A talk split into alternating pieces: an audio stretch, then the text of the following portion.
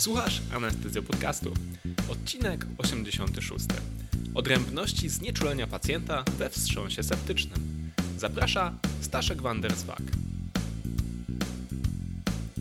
Cześć, to znowu ja. Słyszymy się po dłuższej przerwie, która była spowodowana wieloma rzeczami. Po pierwsze moją chorobą, później szczytem fali koronawirusa, która spowodowała, że byłem trochę bardziej zajęty niż zwykle. No i też moim zaangażowaniem w kontekście nowego projektu, o którym pewnie już słyszałaś lub słyszałeś, jeśli jesteś słuchaczem Anestezy Podcastu, czyli o fiszkach ABC Dusiwora.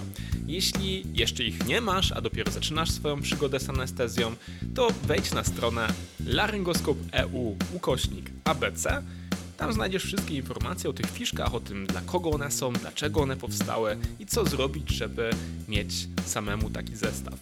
Jeśli masz jakichś kolegów albo koleżanki, którzy rozpoczynają swoją rezydenturę albo specjalizację z pielęgniarstwa anestezjologicznego, to możesz też zastanowić się nad tym, żeby podarować im taki prezent na święta albo po prostu go polecić.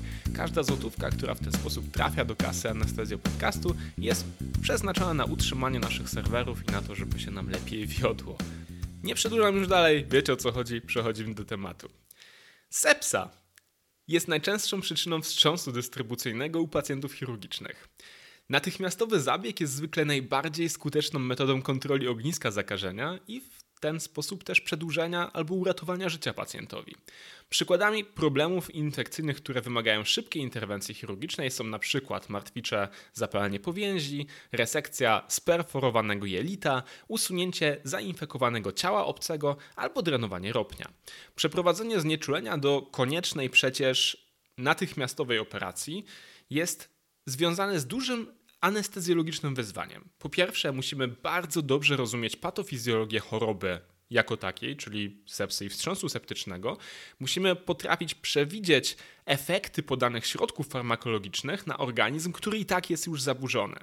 W tym podcaście zajmiemy się więc odrębnościami postępowania anestezjologicznego na sali operacyjnej u pacjenta w takim właśnie wstrząsie dystrybucyjnym spowodowanym ciężkim zakażeniem. Nie będziemy omawiać tego wstępnego postępowania, które było, powinno zostać przeprowadzone jeszcze w szpitalnym oddziale ratunkowym albo na oddziale, na którym leży pacjent i który jest zgodny z wytycznymi Surviving Sepsis Campaign. Swoją drogą Surviving Sepsis Campaign wypuściło w tym roku nowe wytyczne 2021, które zmieniają odrobinę w kontekście e, naszego postępowania w w porównaniu do ostatnich wytycznych, więc jeśli jeszcze tych wytycznych nie czytałaś, nie czytałeś, to zachęcam Cię do przeczytania artykułu o otwartym dostępie, który znajdziesz po wpisaniu Surviving Sepsis Campaign w Twoją ulubioną wyszukiwarkę internetową. Rozpocznijmy nasz podcast od kwestii monitorowania śródoperacyjnego, czy też nawet przedoperacyjnego. Po pierwsze, dostęp do tętniczy. Tętnica jest u pacjentów we wstrząsie septycznym przydatna albo nawet zalecana do ciągłej kontroli ciśnienia krwi, a także oceny dynamicznych wskaźników hipowolemii. Do takich wskaźników należy na przykład PPV, który jest obsługiwany przez większość monitorów wykorzystywanych w anestezjologii, ale wymaga on krzywej ciśnienia tętniczego oraz oczywiście odpowiednich warunków pozostałych, czyli tego, że pacjent jest wentylowany mechanicznie, nie ma własnego napędu oddechowego i wentylujemy go odpowiednią objętością oddechową. W czasie znieczulenia tętnica pozwala nam także na powtarzalne pomiary point of care, co pozwala zoptymalizować prowadzone przez nas znieczulenia, a także terapię objętościową, chociażby poprzez to, że będziemy mieli e, możliwość powtarzalnego pomiaru stężenia kwasu mlekowego. Idealną sytuacją jest założenie tętnicy jeszcze przed indukcją znieczulenia. Jednakże u pacjenta w ciężkim wstrząsie generalnie nie powinno to opóźniać rozpoczęcia operacji. Możliwe jest przecież rozpoczęcie znieczulenia bez tego dostępu donaczyniowego, a następnie w czasie trwającej już nawet operacji można taką tętnicę założyć. Jeśli chodzi o cewnik centralny, to dostęp centralny, choć bez wątpienia jest przydatny, również nie powinien opóźniać rozpoczęcia chirurgicznej kontroli źródła zakażenia. Pamiętajcie o tym, że w sepsie generalnie chirurgiczna kontrola źródła zakażenia jest na pierwszym miejscu. Pamiętaj, że zgodnie z prawem Hagena-Poiseuille przetoczenie płynów przez duży dostęp obwodowy jest szybsze niż przez dostęp centralny o tym samym świetle. Decyduje tutaj długość cewnika. Dlatego cewnik centralny nie będzie najlepszym dostępem do terapii naczyniowej, do terapii objętościowej, terapii płynowej, chyba że nie jesteśmy w stanie z powodu chociażby słabego stopnia wypełnienia pacjenta założyć dobrego, dużego dostępu obwodowego. Cewnik centralny przydatny będzie natomiast do podawania katecholamin, a spodziewamy się, że u pacjenta może być to konieczne, nawet więcej, jeśli pacjent jest już we wstrząsie septycznym, to prawdopodobnie będzie to konieczne w czasie operacji. Początkowa dawka katecholamin w rzadkich sytuacjach, w których jest to wymagane, może być podawana jednak także przez dostęp obwodowy. Dotychczasowe badania pokazują, że ryzyko wynaczynienia jest niskie, a gdy do niego dojdzie, reakcja na miejscowe zastosowanie nitro, nitrogliceryny w maści i niestety niedostępnej w Polsce fentolaminy jest zazwyczaj zadowalająca.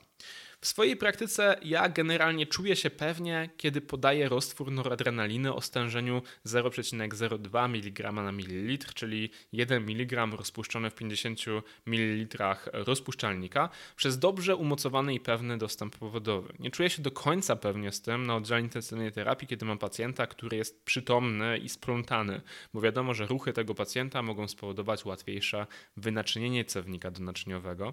Natomiast na, e, w sali operacyjnej, kiedy prowadzę znieczulenia, kiedy pacjent jest zaintubowany, zwiotczony i na pewno nie będzie się ruszał, więc mój dostęp powodowy jest relatywnie pewny, czuję się bezpiecznie podając ten roztwór. W rzadszych przypadkach, kiedy dawkowanie katecholamin jest dość wysokie, podajemy również roztwór o stężeniu pięciokrotnie wyższym, czyli 0,1 mg na mililitr, to jest 5 mg na 50 ml. I w takiej sytuacji Również nie obserwowaliśmy jeszcze nigdy żadnych powikłań. Dodatkową zaletą cewnika centralnego generalnie jest możliwość wykonania pomiaru saturacji centralnej krwi żylnej. Jej wartość jest zazwyczaj kilka procent wyższa niż w żylnej krwi mieszanej. Mimo to wartości powyżej 70% tej saturacji traktowane są jako dobry target podczas terapii pacjentów septycznych. Następnym rodzajem monitorowania, który jest dostępny dla anestezjologów na bloku operacyjnym przy monitorowaniu pacjentów we wstrząsie septycznym może być przez przełykowa echokardiografia. I w idealnym świecie anestezjolog, który opiekuje się pacjentami we wstrząsie, powinien potrafić przeprowadzić i zinterpretować badanie echokardiograficzne, co najmniej przez klatkowe, a idealnie również przez przełykowe. I to powinno zdarzać się najpóźniej w momencie, kiedy stan pacjenta się pogarsza, ponieważ temat przez przełykowej echokardiografii, zarówno jej dostępności, jak i ekspertyzy potrzebnej do jej wykonania, grubo przekracza ramy tego, co, co chcę mówić w dzisiejszym podcaście, e, to Krótko mówiąc, jeśli umiesz przeprowadzić badanie przez przełykowe e, i masz dostęp do sprzętu, to miej echokardiograf co najmniej w pogotowiu. E, ale jeśli masz i umiesz, to prawdopodobnie wiesz równie dobrze jak ja, że powinieneś mieć to, czy powinnaś mieć to na miejscu. W kontekście echokardiografii przełykowej ważne jest też to, że generalnie to, do czego będziemy jej używać we wstrząsie septycznym najczęściej, każdym razie w czasie zabiegu operacyjnego, to jest e, ocena statusu wolemi. I to jest akurat rzecz, która nawet przez przełykowej echokardiografii jest najłatwiejsza ze wszystkich możliwości, do wszystkich możliwych rzutów do ocenienia. Dlatego też generalnie nawet osoby, które stawiają w miarę pierwsze kroki z przezprzełykową echokardiografią są w stanie e, dość dobrze ocenić poziom wypełnienia pacjenta i to, czy wymaga on więcej płynów, czy może więcej amin katecholowych. Następną rzeczą jest cewnik moczowy, który idealnie powinien mieć ponad temperaturę. Myślę, że często używacie ich do generalnie swoich operacji, szczególnie w zakresie jamy brzusznej. Także dobrze jest wiedzieć naturalnie, czy pacjent potrzebuje, czy pacjent produkuje mocz, czy nie, bo bo oliguria albo anuria jest również wykładnikiem ciężkości wstrząsu septycznego. Dobrze jest też wiedzieć, w jakim zakresie temperatur się poruszamy. Także moim zdaniem cewnik moczowy u pacjenta we wstrząsie septycznym to jest absolutna konieczność w monitorowaniu śródoperacyjnym. Pamiętajcie natomiast o tym, że szczególnie jeśli źródłem zakażenia jest jama brzuszna i jama brzuszna będzie otwarta w czasie operacji, to pomiar temperatury w cewniku moczowym, który mierzycie przez, e, przez ten taki wbudowany e, sensor, może być nieadekwatny, dlatego że pęcherz moczowy będzie wychładzał się szybciej z powodu otwartych powłok brzusznych niż generalnie temperatura e, ciała, głęboka temperatura ciała pacjenta. W związku z tym w rzadkich przypadkach, kiedy faktycznie tak jest, że, że mm, temperatura z cewnika moczowego pokazuje mi 34 stopni Celsjusza, a mam wrażenie, że to nie jest możliwe, to zakładam dodatkową sondę do nosa po to, żeby sprawdzić, czy dwa pomiary zgadzają się ze sobą, czy nie. I teraz z tematu monitorowania przechodzimy do indukcji znieczulenia. Pacjent we wstrząsie to jest generalnie przykład bardzo trudnej sytuacji, w której nie powinniśmy sięgać odruchowo e, przez lubiany przez nas, e, szanowany i generalnie będący w naszej strefie komfortu zestaw e, leków indukcyjnych z propofolem na czele. Generalnie w tej sytuacji lepsze, bo stabilniejsze krążeniowo będą ketamina lub etomidat. Generalną zasadą jest rozpoczynanie indukcji dopiero wtedy, kiedy pacjent jest już co najmniej podłączony do pompy z wazopresorem, nawet jeśli on jeszcze nie został przez nas włączony. Można również rozpocząć podawanie leku w niskiej dawce już przed indukcją znieczulenia i w wybranych przypadkach równocześnie z lekiem indukcyjnym można podać mały bolus wazopresora, np. 4 do 8 mikrogramów noradrenaliny ten sposób możemy zapewnić sobie trochę lepszą sytuację hemodynamiczną po wprowadzeniu do znieczulenia. I teraz pozwolę sobie omówić te dwa leki, o których powiedziałem, które będziemy być może e, preferencyjnie do propofolu stosowali w tej sytuacji. Etomidat indukuje znieczulenie szybko, mając minimalny wpływ na częstość serca, ciśnienie czy rzut serca. Ponieważ jednak nawet pojedyncza dawka może wywołać supresję kory nadnerczy, pojawiają się i tutaj dużymi literami teoretyczne wątpliwości, czy tego łobuza można wykorzystać u pacjentów we wstrząsie septycznym. Jeśli trzymamy się kurczowo medycyny opartej na dowodach, to na chwilę obecną nie widzimy dowodów na to, że ten sposób indukcji, czy indukcja z etomidatem zwiększa ryzyko dla pacjenta. Niestety sami autorzy tej metaanalizy i link do tej metaanalizy załączę Wam w opisie do tego odcinka, uznają w konkluzji do swojego badania, że jakość dowoda, dowodów w tej sprawie jest raczej marna i że nie powinniśmy się tego trzymać jakoś bardzo kurczowo. Jeśli chodzi o drugi lek, czyli ketaminę, to ketamina typowo zwiększa nawet napięcie współczulne, zwiększając przejściowo rzut serca, ciśnienie i czynność serca. Warto pamiętać o tym, że ketamina ma słabe, ale jednak ma działanie depresyjne na mięsień sercowy, które normalnie jest równoważone przez, ten, e, przez to zwiększone napięcie układu współczulnego. We wstrząsie natomiast mamy do czynienia z wyczerpaniem rezerwy katecholamin, więc to działanie może stać się bardziej ewidentne. Przypadku pacjentów w głębokim wstrząsie warto jest więc rozważyć obniżenie dawki ketaminy. Mi zdarzyło się wielokrotnie obserwować właśnie na oddziale intensywnej terapii, kiedy ketaminą indukuje pacjentów we wstrząsie septycznym, że mimo wszystko, mimo tego zwiększonego napięcia współczulnego, które normalnie jest spowodowane przez ketaminę, e, sytuacja krążeniowa pacjentów dramatycznie się pogarsza i to mimo, że e, robię indukcję samą ketaminą na przykład, albo ketaminą z minimalną dawką midazolamu. Dlatego warto pamiętać o tym, że ketamina również, mimo swojego generalnie dobrego działania na układ krążenia, e, czy korzystnego działania na układ krążenia, może powodować e, rozjechanie się hemodynamiczne pacjenta i dlatego również warto jest stosować ją razem z wazopresorami. Jeśli chodzi o opioidy, to e, opioidy u pacjentów zależnych od napięcia układu współczulnego mogą doprowadzić do hipotensji i dawkowanie powinno być tutaj raczej ostrożne. Jak wiemy, ketamina ma również działanie przeciwbólowe, więc można ją zastosować jako jedyny środek e, wprowadzający do znieczulenia. Następne pytanie dotyczy e, znieczulenia regionalnego. W wielu miejscach możemy spotkać się z tym, że sepsa albo wstrząs septyczny jest przeciwwskazaniem do znieczulenia, do znieczulenia regionalnego. Jeśli chodzi o zasadę, to znieczulenie podpajęcznówkowe i zewnątrzoponowe są niezalecane. Dodat po, po, pierwsze ze względu na to, że dodatkowe rozszerzenie naczyń i bradykardia, które mogą wystąpić jako powikłania, czy też efekty uboczne znieczulenia em, mogą drastycznie pogorszyć stan pacjenta. W rzadkich sytuacjach jednak znieczulenie regionalne może być atrakcyjną opcją, ale większość pacjentów z uwagi na niestabilność hemodynamiczną i problemy oddechowe skorzysta bardziej na intubacji dotchawiczej i znieczuleniu ogólnym. Jeśli chodzi o podtrzymanie znieczulenia, to zazwyczaj jest to możliwe za pomocą naszych standardowych leków, czyli odpowiednio dawkowanych opioidów i odpowiedniego anestetyku wziewnego. Jeśli chodzi o wartości docelowe w czasie znieczulenia, to chcemy spowodować, że pacjent będzie miał ciśnienie średnie od 65 do 70 mm supertenci, funkcję nerek z wydzielaniem moczu minimum 0,5 ml na kilogram na godzinę, chociaż też nie jest to wartość, która jest oparta na dowodach, i że w sekwencyjnie wykonywanym badaniu gazometrycznym pacjent będzie miał obniżające się regularnie poziomy kwasu mlekowego we krwi. Następnym tematem jest zatem płynoterapia. Pamiętajcie o tym, że wstrząs septyczny to wstrząs dystrybucyjny, czyli nie mamy u pacjenta bezwzględnej, absolutnej hipowolemii, natomiast mamy do czynienia z zaburzonym rozprzestrzenieniem czy rozdystrybuowaniem ilości płynów, która jest w organizmie w różnych kompartmentach ciała.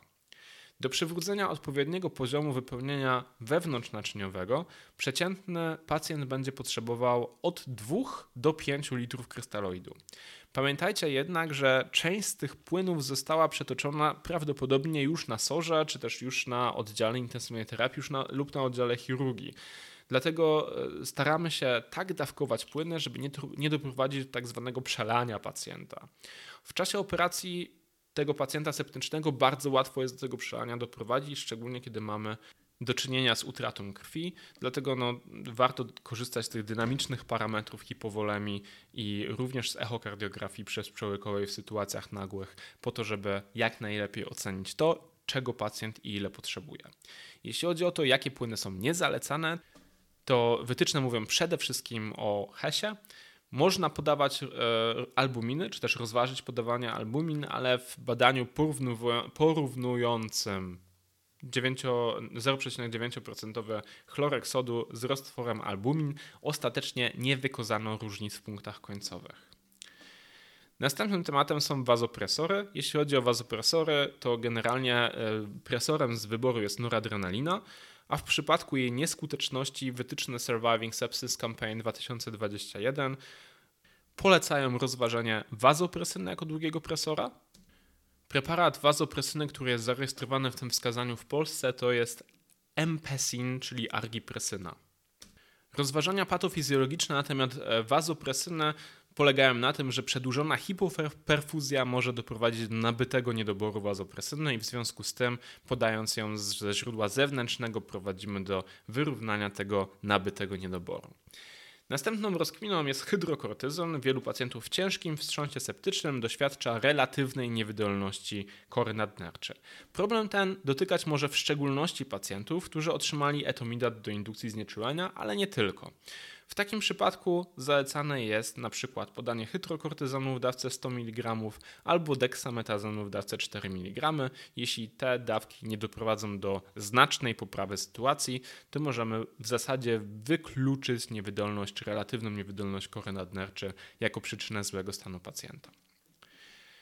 Oczywiście po przeprowadzonej operacji pacjent ze znieczulenia musi zostać wyprowadzony. Czy musi to jest w sumie dobre pytanie, bo e, większość pacjentów nie będzie wyprowadzanych ze znieczulenia, przekazywanych na intensywną terapię do dalszej wentylacji mechanicznej. Pamiętaj, że pacjent podczas transportu może się szybko i dramatycznie pogorszyć, dlatego leki i materiały ratujące życie powinny znajdować się bezpośrednio przy łóżku pacjenta, również w czasie transportu. Kiedy przekazujesz pacjenta na oddział intensywnej terapii, to pamiętaj, że przekazanie powinno nastąpić zgodnie z jakimś obowiązującym schematem u Was w szpitalu. Ja od początku działania anestezjo podcastu zachęcam do stosowania dobrego, sprawdzonego i opartego na e, medycynie opartej na dowodach schematu SBAR, czyli Situation Background Assessment i Recommendation, który to schemat po odpowiednim przećwiczeniu pozwala nam nigdy nie zapomnieć o rzeczach, które są naprawdę ważne. I podsumowując to wszystko, znieczulenie pacjenta we wstrząsie septycznym jest dużym wyzwaniem anestezjologicznym, który wymaga doświadczenia anestezjologa, starannego, ale szybkiego planowania i dobrej komunikacji z resztą zespołu anestezjologicznego i chirurgicznego. We wprowadzeniu do znieczulenia najważniejsze jest dobranie środków o minimalnym wpływie na hemodynamikę pacjenta, np. ketamina albo nieco bardziej w tym wskazaniu kontrowersyjny etomidat oraz bycie przygotowanym do podawania wazopresorów, kiedy tylko okaże się to konieczne. Anestezjolog będzie przekazywał najczęściej zaintubowanego i sedowanego pacjenta i częścią naszego anestezjologicznego planowania jest także zapewnienie pacjentowi bezpieczeństwa w czasie transportu na oddział intensywnej terapii. Na dzisiaj to tyle. Dziękuję Wam bardzo za wysłuchanie. Mam nadzieję, że w tym trudnym covidowym czasie, przed być może jeszcze trudniejszym polskim ładem, trzymacie się dobrze i dzielnie przygotowujecie do nowego roku. Ja życzę Wam dobrej reszty grudnia, spokojnego odpoczynku podczas świątecznej przerwy i do usłyszenia w nowym roku.